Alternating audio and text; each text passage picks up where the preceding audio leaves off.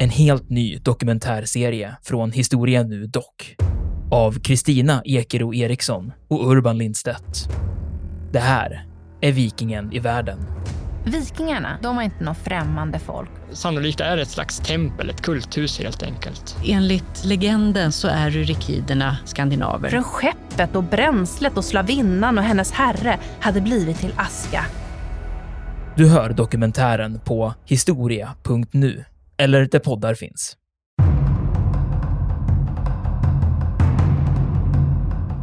Det är ju så då att, att båda de här sidorna börjar få lite, få lite ont om ammunition och sådana här saker. Så att det är en väldigt, väldigt liksom intensiv strid. Det, är det, det, det tycker jag man kan förmedla. Att Lundaslaget är väldigt, väldigt intensivt. Men det märkliga är att när det förefaller vara så att den svenska slaglinjen faktiskt inte klarar att hålla emot längre. Ja, då händer ju det här liksom som i efterhand beskrivs som ett mirakel, eller hur? Nämligen att tillbaka på slagfältet kommer kungen, Karl XI. Det är sånt Alexandrian moment. Liksom. Ja.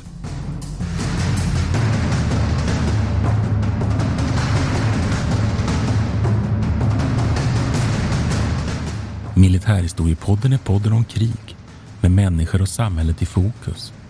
Programledare är Martin Hårdstedt, professor i historia vid Umeå universitet och Peter Bennesved, doktor i idéhistoria. Podden ges ut av förlaget Historiska Media. Stöd gärna MH-podden via vårt swishnummer 123 610 76 68. Märk betalningen med MH-podden.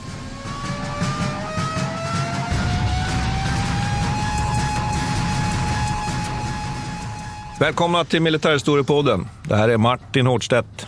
Och Peter Bennesved. Hörru du, först ska vi reda ut en sak här. Rukan, kommer du ihåg att jag hade ju träffat åtminstone en av de här deltagarna som var med ja, i det här. Ja, jag kommer ihåg att du diskuterade. Fantastiskt. Vet du. Jag tror att jag sa i den podden att vi ville ha kontakt om någon som kunde checka det där. Jag hade ju rätt, va? därför att en, får man väl säga då, gosse vi var ju gossar på den tiden. Johan Ardefors hörde av sig till mig på e-mail och konstaterade att jag hade rätt, men att det också var med en tredje, ser du. Jaha.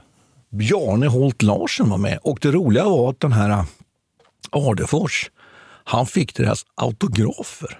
Ja, grymt. Sen Haukli och sen här nu då, och som jag nämnde och sen då också Alaman. Så då har vi rätt ut det. Så det var ju fantastiskt att ni som lyssnar ju faktiskt hör av sig för att vi behöver ju rättas ibland, eller hur? På tal om det så, så var jag i Oslo bara för några veckor sedan på deras försvarsmuseum där. Just det. Precis vid Akershus. Ja. Eh, och då har de en liten staty av Max Manus där precis utanför också. Okej, ja ja. Ja, den var Så väl fin. så. Det var Väldigt, ja, lite Men, tema där. men du, idag så är det ju ett annat tema. Vi ska vända till svensk historia. Det var ju så att vi nog hade sagt att vi skulle köra Puniska krigen. Men då visade det sig att våran, får man säga så, syskonpodd Historia.nu just hade kört ett Puniska krigen. Så att vi, vi avvaktar lite där. Så att ni som vill höra om Puniska krigen kan lyssna på Historia.nu. Men idag ska, ska vi köra Skånska krigen, va? eller hur? Precis. Vår despotiska producent Urban Kanonmakaren har bestämt detta. Så jag hoppas att, hoppas att lyssnaren, eh, lyssnarna kan eh, stå ut med att vi väntar lite. Men vi återkommer till det där. Ja, eller eh, framföra kritiken direkt till Urban kan man säga. Ja, det kan ni också göra. Men hörru du, skånska kriget, slaget vid Lund 1676 i december. Lite beroende på hur man räknar. Må hända det blodigaste som har utkämpats i Norden, lite sådär. Men du hade någonting där du växte Jo, men alltså direkt när vi började diskutera den här idén så, så kom jag att tänka på någonting som heter snapphane i eken. Nere i Sölvesborg. Eh, och jag vet inte, jag kan inte säga att jag har kollat upp exakta fakta kring det där, men varenda gång som vi, min, jag är uppvuxen med en liten stuga där precis utanför Sölvesborg, någonting som heter Sandviken, som min pappa hade väldigt länge. Men varenda gång man skulle in till Sölvesborg då, så körde man för- förbi en väldigt, väldigt gammal ek. Eh, och, så, och det finns ju lite sådana där i Blekinge och i Småland. Eh, och, men den där eken den kallas för snapphaneeken och det, är, eh, anledningen var då att man ska ha hängt snapphanar där. Men vi ska återkomma till det där, för jag tycker det snapphanarna är ett intressant fenomen Mm, som, som vi kommer återkomma till i, Ja. den, i, det här lilla, i det här lilla kriget, får man kalla det. Ja, Precis, och då kan man väl säga så här. Det märkliga var ju att jag stod i förmiddags här på universitetet i Umeå och föreläste faktiskt om svensk stormaktstid och var lite inne på det här skånska kriget. Så att jag tycker väl att eh, vi, vi öppnar väl upp en liten bakgrund här och den är väl enligt följande att Sverige ju fram till 1660 kan man ju säga att stormaktsväldet expanderar. Man är inne i en offensiv fas och sen så får man allt större problem under 1660-tal och början av 1670-tal. Det handlar både om ekonomi, det handlar också om att man har en förmyndarregering i väntan på att Karl XI ska bli myndig.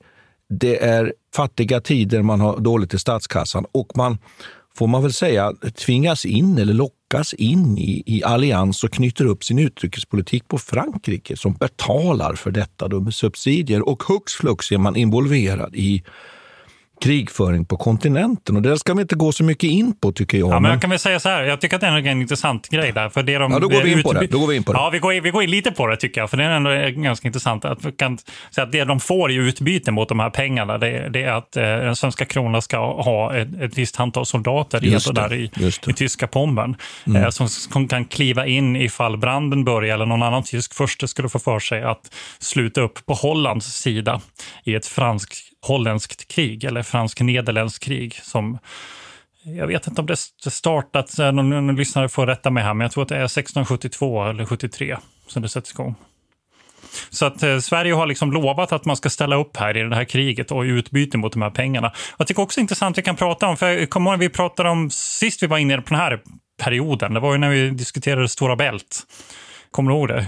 Då pratade vi om Karl X. Det var ganska länge sedan, kanske ett år sedan. Eller ja, någonting. Karl X ja, bält, precis. Ja, precis. Och han dör 1660. Och då befinner sig Sverige på något vis på sitt zenit. Och den perioden när, som jag läste en jäkligt intressant redogörelse av den här Göran Rystad som har gjort en, en biografi av Karl XI. Han diskuterar det här att ja, men nu befinner sig Sverige så stort som det kan bli och Magnus de la Gardie och de andra som, som nu styr landet, den här förmyndarregeringen, förstår att nu gäller det att bara hålla ihop det här, att vi har expanderat över vad som är möjligt. Och den här expansionen har hela tiden berott på att man kan exploatera de marker som soldaterna kliver in på. Men nu handlar det om att konsolidera. Och det ger ju det här kriget, det skånska kriget, en helt annan karaktär. För nu handlar det om, liksom, nu är det inte det här expansiva Sverige längre som ska ut och, och hela tiden erövra nya områden. Nu handlar det om att försvara det man har. Och det förändrar ju också retoriken gentemot jag vet inte om man kallar medborgarna, men, men mot allmogen. Att det blir eh, eh, viktigare att framhålla det här som ett försvarskrig och eh, att man ska ha skadestånd och sådana saker. Det var en intressant redogörelse. Normally being a little extra can be a bit much. But when it comes to healthcare, it pays to be extra. And United Healthcare makes it easy with Health Protector Guard fixed indemnity insurance plans. Underwritten by Golden Rule Insurance Company, they supplement your primary plan, helping you manage out of pocket costs without the usual requirements and restrictions like deductibles and enrollment periods. So when it comes to covering your medical bills, you can feel good about being a little extra. Visit uh1.com to find the Health Protector Guard plan for you. Hey, it's Paige DeSorbo from Giggly Squad. High quality fashion without the price tag. Say hello to Quince. I'm snagging high-end essentials like cozy cashmere sweaters, sleek leather jackets, fine jewelry, and so much more. With Quince being 50 to 80% less than similar brands. And they partner with factories that prioritize safe, ethical, and responsible manufacturing. I love that. Luxury quality within reach. Go to quince.com slash style to get free shipping and 365 day returns on your next order. Quince.com slash style. Mom deserves the best, and there's no better place to shop for Mother's Day than Whole Foods Market. They're your destination for unbeatable savings, from premium gifts to show-stopping flowers and irresistible desserts. Start by saving 33% with Prime on all body care and candles. Then get a 15-stem bunch of tulips for just $9.99 each with Prime. Round out Mom's menu with festive rosé, irresistible berry chantilly cake, and more special treats. Come celebrate Mother's Day at Whole Foods Market.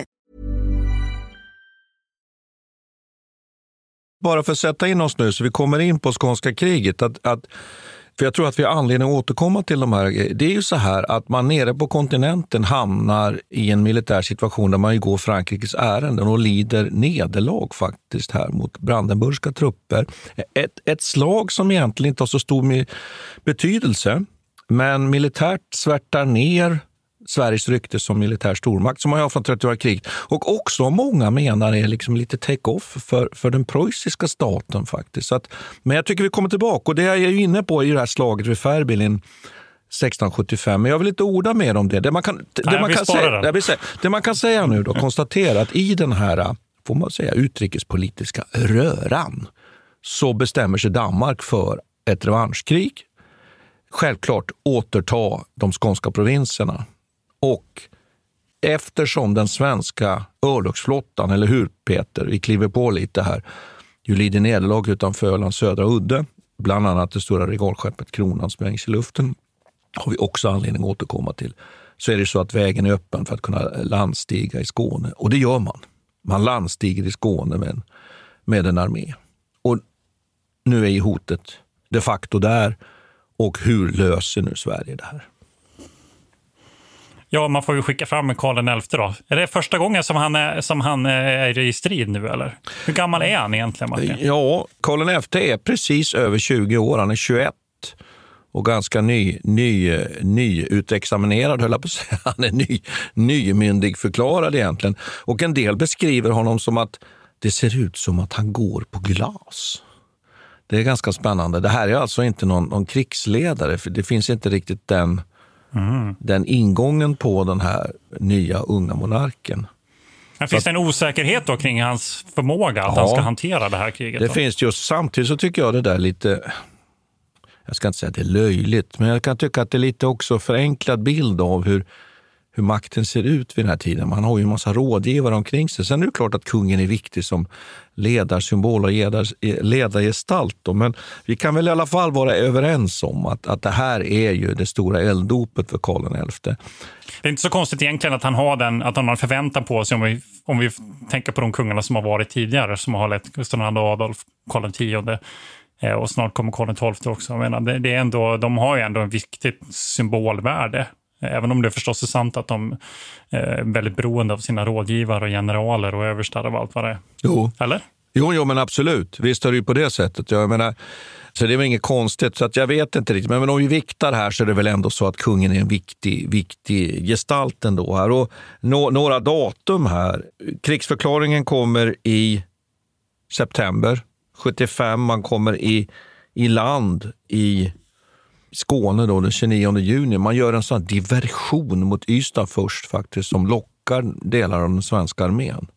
Och därför kommer danskarna egentligen ohotat i land i Skåne. Så att nu står det alltså i slutet av sommaren en dansk armé i Skåne. Och man räknar med att ungefär Kristian V har 16, 15, 16 000 man. Och Sverige har ingen stor armé gripbar. Den är ganska liten. 6 000 man finns och de är ganska spridda i Skåne.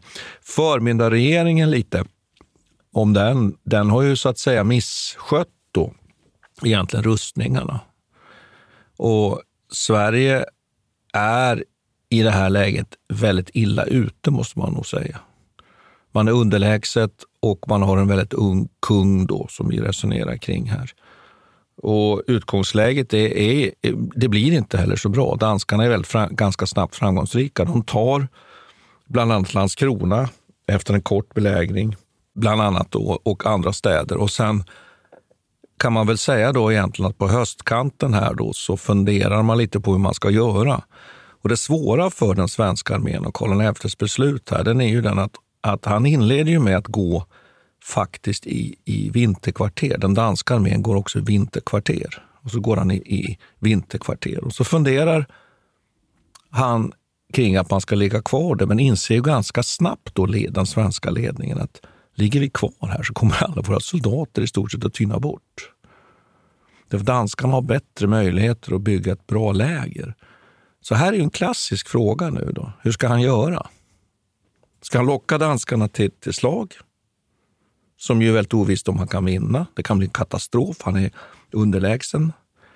Eller ska han vänta, backa ur Skåne, gå norrut kanske hinta vin vinterkvarter och eh, risken är att han, han då tappar initiativet. Hela Skåne blir taget av danskarna. Det tredje alternativet är att ligga kvar i det där usla kvarteret då och ändå blockera danskarna och hålla en del av Skåne. Det kanske skulle ändå vara bättre än eventuellt om man tvingas till en fredsförhandling här. Men armén kommer ju sannolikt att tyna bort.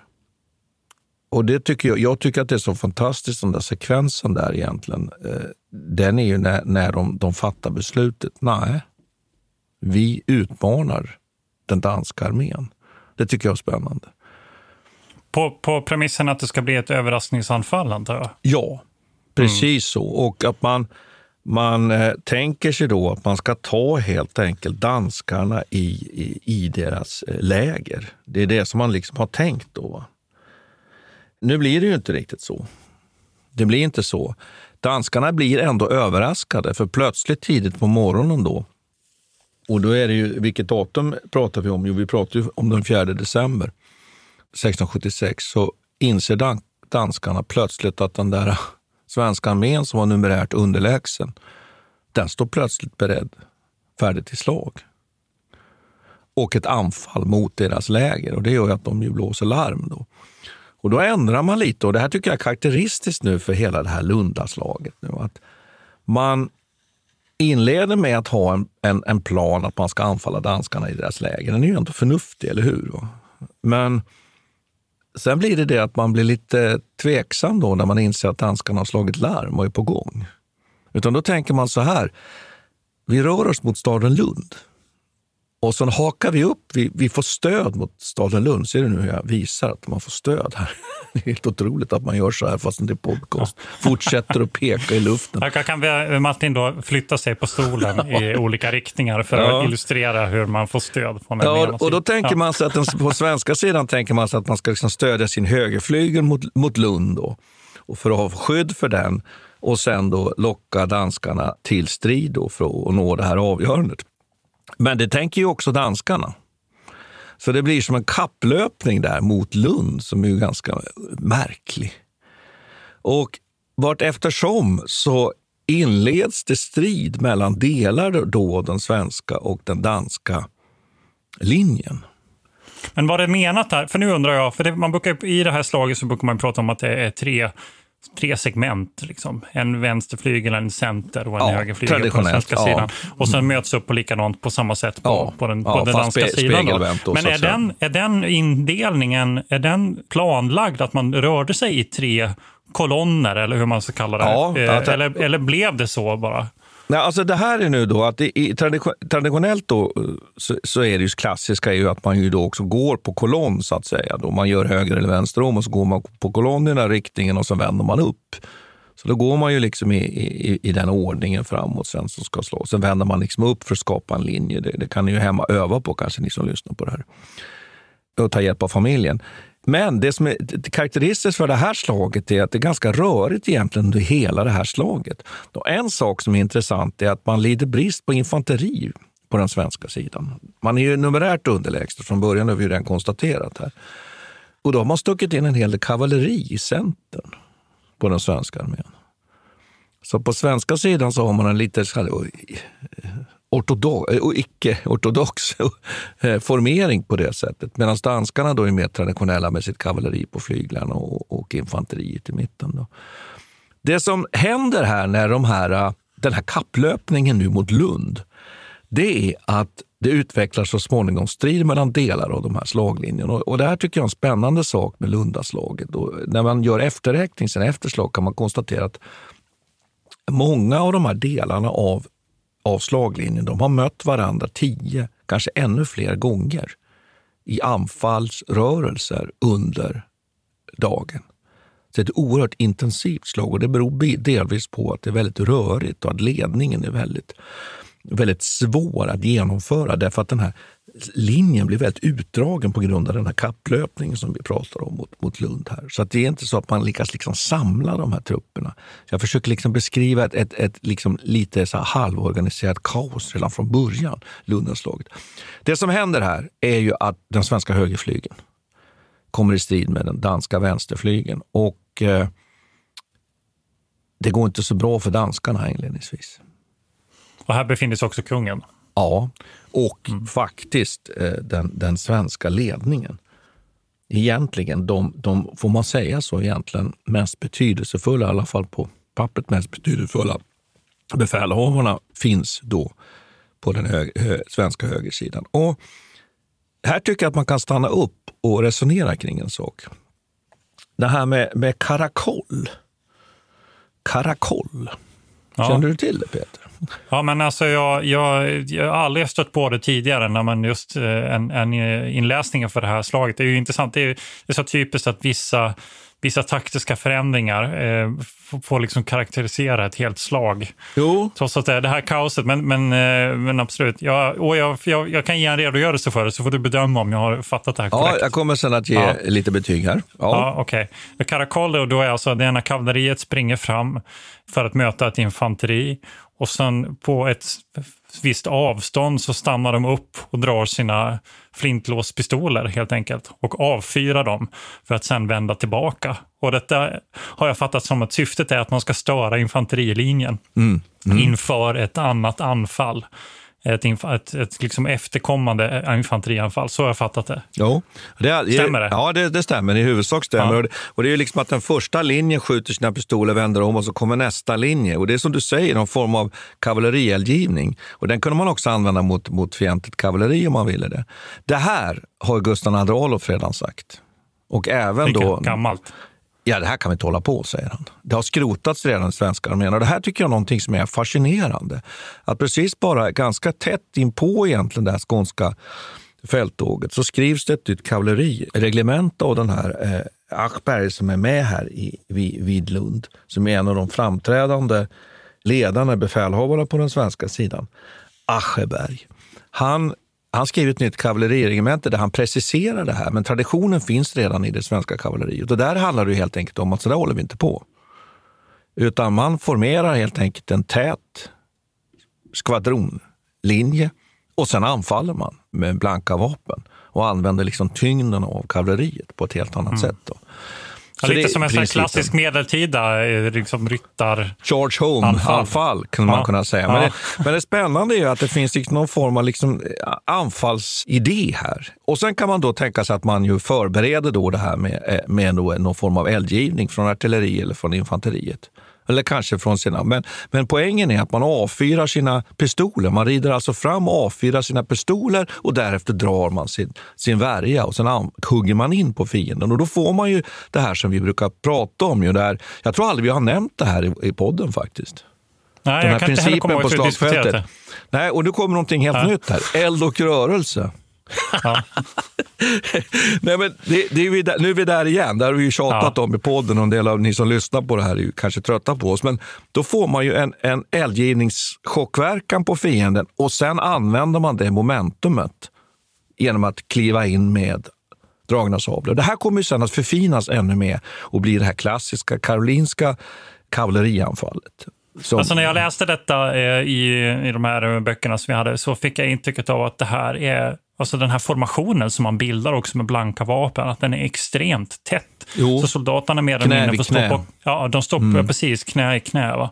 Och, det, det måste ju vara och sen nästan en bl plogform sen ja. så småningom utvecklas här. Ja. Det måste ju krävas en uh, oerhört mycket övning för de här hästarna också, fixa det. Och någonting som jag funderar på, uh, det är ju så här rent praktiskt, då, avfyrar de de där pistolerna, stannar de upp och avfyrar och sen formar kil igen och får fram? Eller är, jag skjuter man under gör, rörelsen? Är under rörelsen och sen så drar man sabeln och sen framåt. Ja. ja. Så det är liksom och då ska en, vi komma en, ihåg att ja. det, här, det här rimligtvis kan ju inte sitta hela det här förfarandet precis. Men det är principen här i alla fall. Och sen kommer man ju att ha en större möjlighet att under Karolins tid att ha övat upp den här tekniken och att den blir Hedeberg. Och, men det som ändå händer här är att den danska vänsterflygen, den, den faller bakåt. Och flyr slagfältet helt enkelt. Och kungen och med honom en hel del av ledargarnityret på den svenska sidan och en stor del, ja, en tredjedel helt enkelt av den svenska slaglinjen följer med danskarna. Och så småningom kommer det att hamna där danskarna har sitt läger och trycker iväg den här delen av den danska slaglinjen. De kommer så småningom att passera en å där de går ner sig och där det till och med utbryter total panik. Och det är så också att den danske kungen är med här också. Det är ganska lustigt. Mm. Och de försvinner i flera, flera timmar bort från slagfältet. Så att kvar på slagfältet är då två tredjedelar av slaglinjen. Och de börjar då att utkämpa då en mera så att säga, traditionell linjestrid. Och där man också ser tecken på en, en, ett något mer offensivt eh, förfarande på svensk sida. Och en intressant sak då, utan att fördjupa sig nu i alla detaljer här, är att det går inte så bra för den svenska linjen här. Man är, man är underlägsen. Och som jag beskrev så måste man uppfatta det här slaget som väldigt kaotiskt. Man möter gång på gång i anfall. Man, man kliver på, man avfyrar sina vapen, man försöker bryta in, man blir tillbakaslagen. Och i en sekvens i den här striden där svenskarna blir allt mer tillbakatryckta, då visar det sig att det här att man har tryckt in kavalleri i centern, i infantericentern, blir väldigt betydelsefullt. Därför att när det är som mest illa så genomför man ett kavallerianfall mot det danska infanteriet och helt enkelt får stopp på den danska linjen som liksom nästan är på väg att göra slut på den, den svenska återstående slaglinjen. Då. Så man blir, man blir tvungen att bli extremt offensiv för att kunna ta sig ja, igenom jag vet inte om man ska tolka Ja. det så, men man kan säga att man genomför ett kavallerianfall och det var ju egentligen inte, säkert inte genomtänkt från början, utan det är för att man har plötsligt tillgängligt kavalleri i centern därför att man hade sån brist på infanteri och liksom spett ut. Får jag, får jag dra en detalj också? Absolut, jag, det gillar ja. En, ja, nej, men jag, jag läste en siffra, åtta artillerikanoner på den svenska center, mitten där, och, och mot 56 på den danska sidan. Ja. Så att det, det där måste ju ha drivit fram det här, tänker jag. De, de skildringarna som man ser här nu, det handlar ju mycket om att det, om man står still i det här läget och inte rör på sig så blir man ju helt sönderskjuten av det danska artilleriet. Så att det här blir liksom, liksom, det är tvungen att, var tvungen att vara offensiv och hela tiden röra sig framåt, för annars, annars Mm. blir man sitting ducks. Ja, men det, då, då, det, är ju det, det, är det du Ja. tänker att ditt resonemang där. Ja. Eh, men- menar, det jag har förstått av det, läsningen av det är att det är väldigt, väldigt rörigt och kaotiskt här. Many of us have those stubborn pounds that seem impossible to lose, no matter how good we eat or how hard we work out. My solution is PlushCare. PlushCare is a leading telehealth provider with doctors who are there for you day and night to partner with you in your weight loss journey. They can prescribe FDA-approved weight loss medications like Wagovi and Zepbound for those who qualify. Plus, they accept most insurance plans. To get started, visit plushcare.com slash weight loss. That's plushcare.com slash weight loss. A lot can happen in the next three years. Like a chatbot may be your new best friend. But what won't change? Needing health insurance. United Healthcare Tri Term Medical Plans are available for these changing times. Underwritten by Golden Rule Insurance Company, they offer budget friendly, flexible coverage for people who are in between jobs or missed open enrollment. The plans last nearly three years in some states, with access to a nationwide network of doctors and hospitals. So, for whatever tomorrow brings, United Healthcare Tri Term Medical Plans may be for you. Learn more at uh1.com. This is Paige, the co-host of Giggly Squad, and I want to tell you about a company that I've been loving, Olive and June. Olive and June gives you everything that you need for a salon quality manicure in one box. And if you break it down, it really comes out to $2 a manicure, which is absolutely insane. It's also so easy to get salon worthy nails at home with Olive and June. The difference between how your nails used to look when you did them yourself and now with the Manny system is a complete game changer. The best thing about Olive and June too is it's a quick dry. Dries in about one minute, lasts for five days, and full coverage in up to one to two coats. Visit oliveandjune.com slash perfectmanny20 for 20% off your first system. That's oliveandjune.com slash perfectmanny20 for 20% off your first system.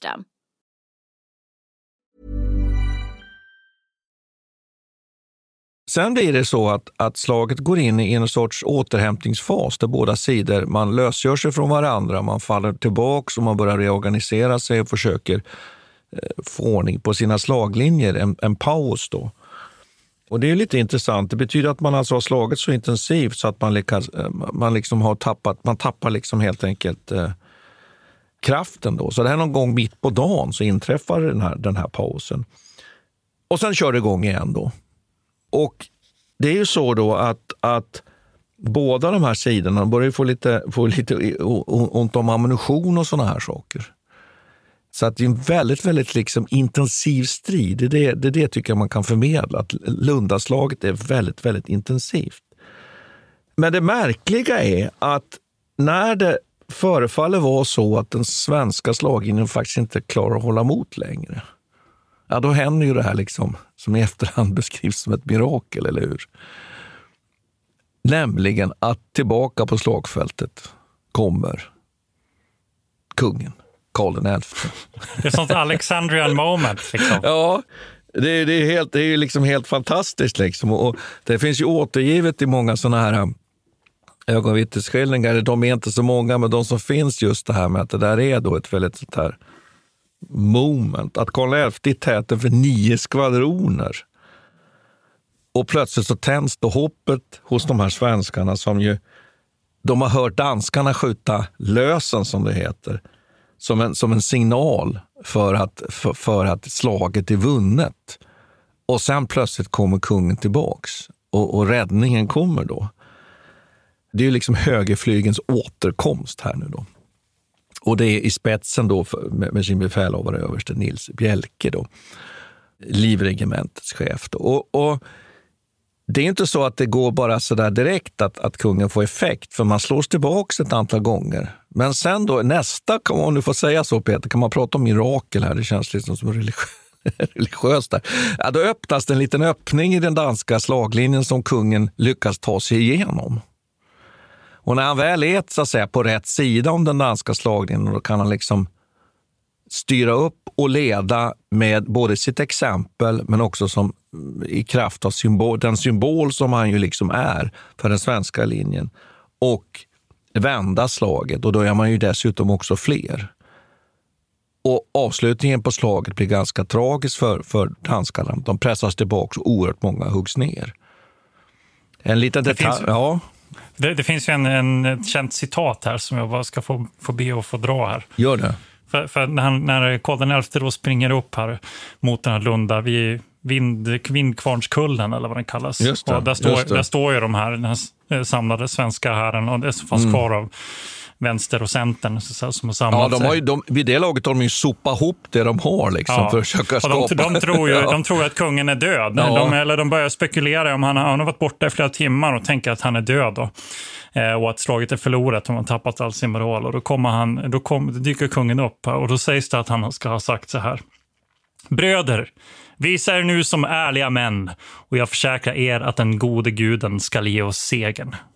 Och att detta då ska ha varit liksom, signalen för anfallet. Och det som händer blir väl också att man har då har man helt plötsligt svenska soldater på två sidor om den danska linjen. Ja, man lyckas omfatta, ja, precis, omfatta Ja. fatta dem så småningom och danskarna helt enkelt också tappar ju kontrollen över sin slaglinje. Och bland annat gjorde den här kungens, eh, kongens livregemente då, eh, dans på dansk sida, slåss ju intensivt och huggs ner då eh, i Vallkära kyrka men kring Vallkära kyrka. Då. Sen finns det en liten sån här, kan man väl säga, bedrövlig historia här också. Det är ju att det finns en del holländska matroser med på den danska sidan som egentligen inte alls är övade i, i infanteristrid. De uppfattar svenskarna som att det, det är liksom förbjudet för sjömän att, att slåss på land. Lite intressant förete- föreställning egentligen kan jag tycka. Men de här huggs ju ner oerhört brutalt. Bland annat då av, av eh, eh, eh livregementet, svenska livregementet och en skvadron då, eh, finska dragoner. Och Bjelke då, han, han själv uttrycker då hur du hanterades. Må Gud sig över förbarma, skriver han. Men sen så småningom får man slut på det här eh, helt enkelt massakrerandet av danskar då, eh, och att de som ger sig, de, de eh, låter man helt enkelt leva. Det känns ganska brutalt. Jag, jag tycker vi har ju, har ju eh, skildrat en hel slag i den här podden, men det förefaller som att krig alltid är brutalt. Man sitter Men, inte men, det är för, att- men det är för att den här, den här episoden eh, är ju jag tror att den har flera element, just det här med holländska matroserna. Just för att det är obegripligt för ur ett svenskt-danskt perspektiv, lite vad gör de där? Men det har ju att göra med liksom Ja. Danmarks allians med, Ja, med holländarna. Ja. Alltså, det är därför de är där, va? för de är en del av det här kriget i Östersjön också och liksom ska hjälpa till. Sen är de ganska många med 1400 och de framställs som, som värn, fullkomligt värnlösa i, i, i den Ja. läsningen man ser. Så att Ja. man, får, man direkt känner jag så här, gud vad tragiskt. Samtidigt så är de ju stridande kombatanter, så jag vet inte, de är inte, det är inte värre att de dör än, än alla de danskar och svenskar som också dör i slaget. Men jag håller med om att det finns någon, eh, det uppstår någon slags brutalitetskänsla direkt när man ser det här. Det sägs att bara 47, 47 stycken av dessa holländska matroser ska ha överlevt. Jo, och att, att de Och det liksom, var på direkt order, att man liksom har sagt att nu, nu, nu räcker det. Jo, nu får de man, man, men de här har ju liksom levererats då till den danska armén som hjälptrupper. Så att det är klart som du säger att de är liksom inte där oskyldigt så. Nu är det individen har inte fattat beslut om att stå på Lunds slagfält och slåss med danskarna mot svenskarna. Det kan jag ju knappast tänka mig. Men, men, men så är det ju som du säger. Va? Sen vet man ju inte riktigt heller om det här är också som vi säger. Vi är ju alltid ett, ett, ett offer för efterkonstruktionen av nedteckningarna. Och, och där finns ju massa olika sk- syften med att, att bes- beskriva de här historierna. Dels att ingjuta skräck i danskarna för framtiden kanske. Jag vet inte. Eh, Det är källkritiska problem. Det kan ju också vara att man Ja. vill, man vill som... Man, man kan ju spekulera också, för att eh, holländarna är ju med när, när man sänker kronan eller när det går i luften. Så kan det vara. Eh, möjligtvis att det finns en sån också, Hämnd- en slags hämnd, hämndbegär ja. där som... Ja. Jag vet inte jag vet inte om det är någon mening med att psykologisera mer. Jag tänker att det är någonting som sker i den här typen av krig bara. Men, Men, det är, ju, Ja. det är brutalt det här slaget. Det, det, är ju, det är ju så då att det är ju december, det är ganska kallt och de som ju skadas dör ju naturligtvis därför de fryser ihjäl om inte annat. Och danskarna förlorar ju framför allt mycket folk i slag. Man räknar med att ungefär 9 000 stupar av, av 18 000 insatta soldater. Det är väldigt, väldigt höga siffror. Jag brukar alltid vara tvungen när jag läser det där om Lund och kolla det där. Är det verkligen sant? Det är, ganska, det är ganska brutalt. Det är fler på den danska sidan som, som stupar då av naturliga skäl. Då. Eller det behöver inte alltid vara så. Det har vi faktiskt lärt oss här i Militärhistoriepodden att förlusterna kan ju vara större även hos segraren. Men förlusterna, man räknar 3 000 svenska döda och ungefär 6 500 eh, döda på den danska sidan. Och siffrorna alltid med lite, lite eh, nypa salt. Men ett väldigt brutalt slag. Karl XI får man väl säga är väl den stora vinnaren. Eller vad är det, vad är det, man, vad är det man brukar säga? Att, nä, näst, att, att det, värsta som finns näst efter att förlora ett slag det är att vinna ett slag, eller hur? Men det är Eh, inte en pyrrhusseger här, så tolkar jag det på ett sätt. Att man liksom, eh, på ett sätt så slår man ut en väldigt stor andel av sin här och, eh, på båda sidor. Och det, det blir egentligen, det övergår ju till en slags status quo det här kriget och kommer pågå fram till 1679. Och vi, kanske får återkomma till det här slaget i Landskrona som sker ett år efter. För att jag tänker att den stora vinsten är väl egentligen moralisk, är den inte det? Det håller jag med Eh, dig På om. sätt att, eh, på den svenska sidan får man liksom en känsla av, av eh, att man kan återta initiativet i, den här, i det här kriget, där, där tidigare bara danskarna har hela tiden eh, hållit initiativet. Så det är på ett... Ja, det känns som att det är, det är en viktigare faktor än just att det hade något slags avgörande utfall på, Ja. på liksom freds... Och, och, den också Traktat. stärker liksom det svenska ledarskapet, inte minst kring Karl Karl XI själv. Och sen tror jag en annan sak, att man lyckas ändå det här som, jag var inne på de här lite tre alternativen här, att hade man backat ur, då, då hade ju hela Skåne sannolikt blivit dansk och Malmö hade fallit. Och det kanske man kan, kan lyfta fram här, att Malmö, förbindelsen till Malmö upprätthålls här. Och Det gör ju att, att i en eventuell fred som plötsligt skulle kunna komma av något skäl, då har man fortfarande ändå ett fotfäste i, i, i Skåne. Så rent konkret så lyckas man ju uppnå det. Och Det var ju också syftet med att man la sig i vinterkvarter så nära den danska armén, nämligen att, att spärra vägen och ändå skydda Malmö indirekt på det sättet. Och Det lyckas man liksom uppnå här. Och Sen kan vi väl, kan vi väl bara konstatera att det är ju så att Sverige så småningom eh, kommer ju att liksom förlora egentligen det här kriget om man ser ur ett kontinentalt perspektiv. Då. Men, man, men man, man vinner i alla fall mot danskarna och man vinner ju att man, man lyckas försvara de här skånska provinserna. Mm. Så kan vi konstatera då.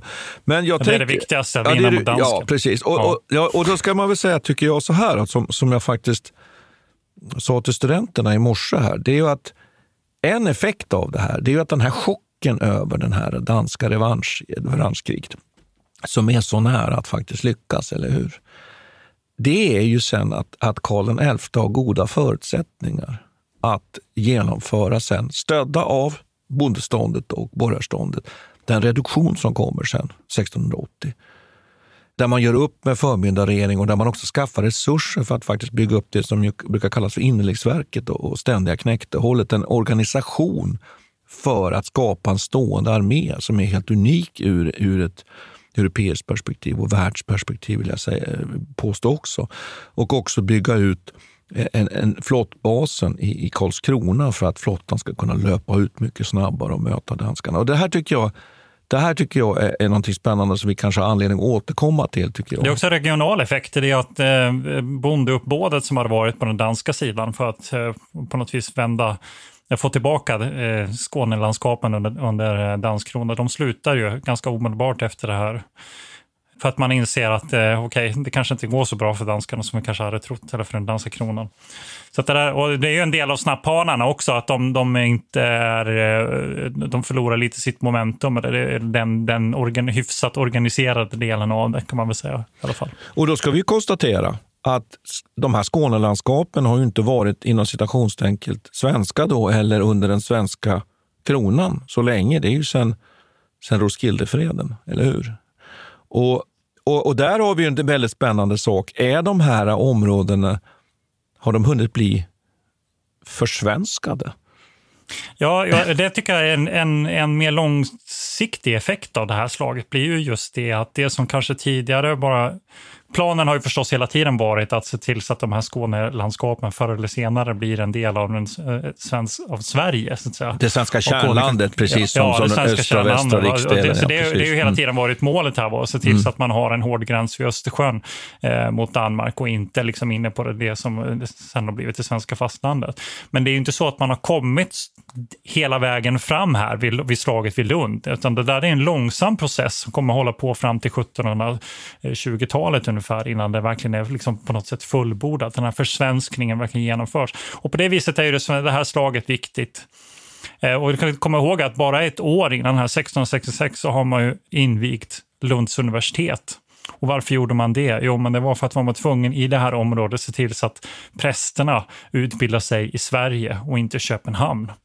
Eh, så, att, så att Lund är ju, är ju centralt ur det här perspektivet också, att det är som en viktig intellektuell hubb, eller börjar växa fram som det. Som sen har fått, ja, men, på ett par hundra års sikt så har det ju har fått jättestor effekt. Men eh, det är ju, ja, vad vill du säga? Nej, nej men det jag får fundera på det, skulle man kunna tänka och laborera med att, att Skåne har hunnit förskånskas? Det vill säga flytta halvvägs från Danmark, om man nu tänker så. Och sen efter Lundaslagets skånska krigen så inleds en mycket mer intensiv försvenskning.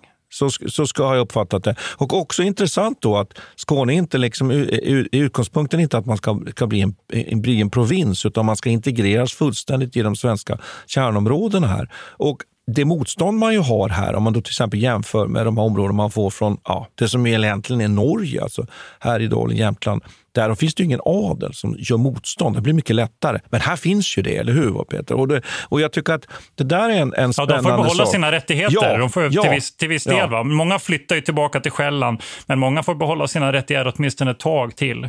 Och också bönderna här, de får ju eh, representation i den svenska riksdagen för 1664. Så det tar, det tar ett tag innan och då har det varit ja, men det, där, det, det, tycker jag är, är, det tycker jag är en viktig sak att framhålla. Här kan man väl då säga att det här militära eh, förståelsen, att förstå det militära i, historien och dess roll i det här fallet, ju, förklarar ju, det, det har ju ett väldigt stort förklaringsvärde naturligtvis. Så ja, och den här ja. Blir ju som en del av, eh, eller på något vis en bekräftelse av att den här försvenskningen ska fortgå. Eh, och att det här ska fortsätta, den här processen. Att eh, och det är inte helt, det är inte helt över igen, eh, än. Danskarna kommer ju återkomma under 1700-talet också. Men, men det blir ju ändå, det här ger ju verkligen ett stort steg framåt för, för, för Skåne. Want flexibility? Take yoga. Want flexibility with your health insurance? Check out United Healthcare Insurance Plans. Underwritten by Golden Rule Insurance Company, they offer flexible, budget friendly medical, dental, and vision coverage that may be right for you. More at uh1.com. Mom deserves the best, and there's no better place to shop for Mother's Day than Whole Foods Market. They're your destination for unbeatable savings, from premium gifts to show-stopping flowers and irresistible desserts. Start by saving 33% with Prime on all body care and candles. Then get a 15-stem bunch of tulips for just $9.99 each with Prime. Round out Mom's menu with festive rosé, irresistible berry chantilly cake, and more special treats. Come celebrate Mother's Day at Whole Foods Market. Hey, marketers. Want a matchmaker to set you up with your perfect audience? Well, look no further. Get intimate right away with host read sponsorships with ACAST. Use ACAST's self serve ad platform to search and partner up with a podcaster or two from our network of more than 100,000 shows. Have them sing your praises in their own words. And get their listeners ready to be wooed into loyal customers. It's the ultimate loving endorsement. Book host read sponsorships with ACAST head to go.acast.com slash closer to get started. Det är ju intressant också att de här Skåne-allmogen, eh, deras lojalitet skiftar ju fram och tillbaka, jag nämnde lite grann. Och danskarna försöker organisera sådana här friskytteförband och, eh, och så signaler, inte signalspaning, men spaningsförband. Signalspaning, var jobbar du någonstans Peter? Ja. Freudiansk militärhistorisk felsägning. Ja, ja. Nej, men det här det finns ju också med där mm. som en del av det här kriget som har varit väldigt framträdande. Och när man diskuterat snapphanarna så har det ju varit, man kan ibland få det att låta som att det här är en organiserad grupp, men det är det egentligen inte. Snapphanar är bara ett skällsord för, för typ rövare. Men eh, de organiserades delvis av den danska kronan, men det var också bara löst folk. Och så fanns det också ett bondeuppbåd som jag nämnde tidigare.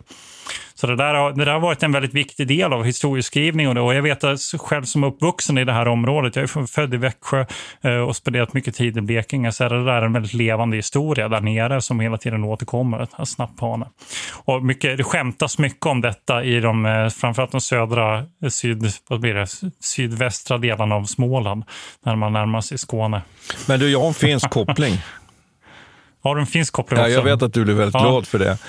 Ja, det var men, länge sedan vi hade en finsk koppling faktiskt, du den? Ja, och, eh, men vi har pratat om eld och rörelse, så jag har fått med en av mina favoriter idag i alla fall. Det är jag tacksam för. Nej, men det är intressant tycker jag bara att jämföra de här områdena som vi idag uppfattar som så integrerade i Sverige.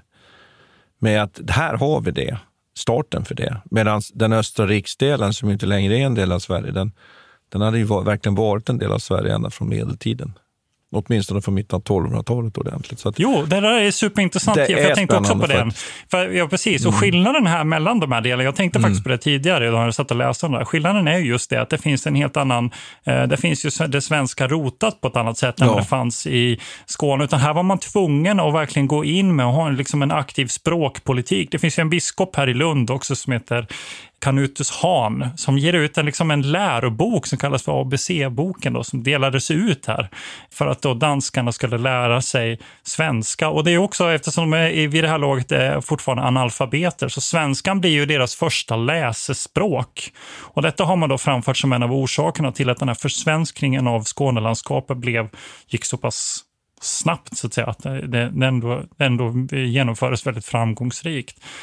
Men det påminner också om den här politiken som eh, Finland drev mot Karelen under vinterkriget och fortsättningskriget, eller inte, eh, framförallt fortsättningskriget där när man ockuperar de här östra delarna. Att man liksom ganska snabbt går in och försöker liksom omvända befolkningen på olika vis. Men skillnaden här är väl kanske i Skånelandskapen så har man samma religiösa inriktning och man har hyfsat liknande kultur. Och det är ingen kamp mellan det ortodoxa och det protestantiska nej, nej, nej. som det var i Karelen till exempel. Eh, som ställde till men, men samtidigt skulle jag vilja säga så här att ett, ett, ett viktigt faktum är att språket ju ändå har en mindre betydelse vid den här tiden. För nu när du jämför 1900-tal mm. så kan jag tänka mig att språkpolitik... Ja, jo, ja. Men samtidigt så tycker jag just som du sa här att, att det är spännande att man på, under 1600-talets andra hälft ändå jobbar med en språkpolitik i de här områdena ändå. som du var inne på här. Ja, det finns ju ingen skola, det finns ju ingen allmänt skolväsen. Nej, nej, det kommer ju följa, det är först 1860-talet, men det finns fortfarande så att, man ska, eh, att bönderna ska ju lära sig katekesen. Och den skulle man lära sig på svenska. Det var det man tvistade om, att eh, en del eh, danska familjer då, med dansk lojalitet ville inte att de skulle göra det. Ja, Okej, okay. det var en liten utvikning här. En, en viktig konsekvens av slaget vid Lund. Ja, och jag bara tänkte komma med, komma med några avslutande reflektioner, ja. Peter. Är det okej? Okay? Ja, jag tycker bara det är lite spännande också att när man sen eh, eh, vill återuppväcka minnet av slaget eh, vid Lund, och jag tänker på 1976 faktiskt, det är ganska spännande. För det är ju ett ganska stort ändå, om man nu säger så, åminnelseår 1976, men det gick inte att göra det. Därför det var ju en tid i, i, i svensk historia, det var liksom ett läge kanske för sådana saker, utan i tidningsdebatten där så ville man inte ha några patriotiska orgier. Ja, det där tycker jag är lite, lite spännande. Men att man lite längre fram då, så, så idag får vi säga att eh, tur nog så kan vi ju, tycker jag, närma oss sådana här historiska händelser på ett välbalanserat och nyktert sätt. Då eh, att inte pendeln slår åt något håll. Här. Det skulle bli intressant att se, det kanske inte någon av oss lever 2076. Men det eh, skulle vara intressant att veta hur man kommer tolka den där händelsen då. Ja, det, det håller jag med om. Eh, och, att det där är, och jag har stött på det här i andra sammanhang faktiskt, när man väckte eh, intresset för slag, slagfältet vid Oravais på början på 90-talet. Så väcktes man ju också av, av sådana reaktioner faktiskt. Och det kanske var lite för tidigt då. Det var ju precis efter murens fall och sådär. Eh, eh, men idag tror jag att det är ganska oproblematiskt. Jag hade en diskussion faktiskt idag med, med studenterna kring en helt annan sak, men som ändå anknyter till temat här, nämligen varför, varför har vi inte kvar 6 november, Gustav Adolfsdagen? Och vi hade, tycker jag, en väldigt nykter diskussion kring det där. Just jag disputerade ju på den dagen. Fantastiskt, Peter. Jag vet. Eh, men att, att, den, att man tar bort sådana här saker och man moraliserar över sådana här saker istället för att bejaka att vi har faktiskt varit en stormakt, vi har bedrivit anfallskrig.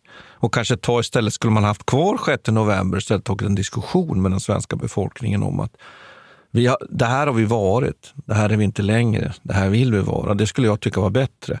Men att sopa historien under mattan genom att ta bort en sån här dag, det, det är inte jag en anhängare för. Av. Uh, vad säger du Peter? Blev du upphetsad? Ja, du verkar helt ljummen. Du, eller är du ja, jag, känner, nej, jag, vet, jag känner mig inte ljummen. Jag, känner att, jag tycker det är en jätteintressant diskussion, men jag har nog inget ställningstagande i den frågan. Men eh, absolut, det finns någonting intressant där. Eh, och slaget vid Lund är ju ett sånt, sånt exempel på att man har tagit upp den här diskussionen ganska ofta. Jag har för att det inte så länge sedan som den här statyn i Malmö, jag tror det är, visst står det i Malmö, Karl mm. XI, mm. när han sitter på sin häst där, att den var kontroversiell på något vis. Ja, men det är ett helt annat annat tema. Men du, jag tror vi måste ta ett streck nu. Måste vi dra ett streck?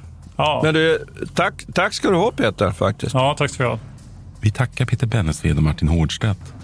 Kontakta gärna Militärhistoriepodden via mail på militarhistoriepodden historia.nu. Peter och Martin vill gärna få in synpunkter och förslag till programidéer.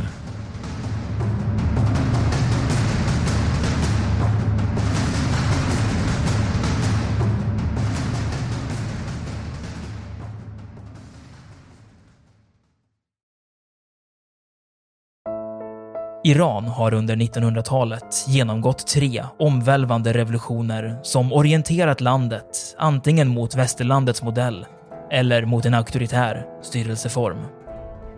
Idag pågår en social revolution i landet som vänder sig mot det islamistiska styret och vars anhängare har Europa och väst som förebilder. I en viktig bok ger idéhistorikern Mohammad Faslashemi en djupare förståelse för dagens dramatiska händelseutveckling. Iran mellan tre revolutioner är utgiven av förlaget Historiska Media. Beställ den fysiska boken på förlagets hemsida historiskamedia.se eller köp den i en bokhandel nära dig.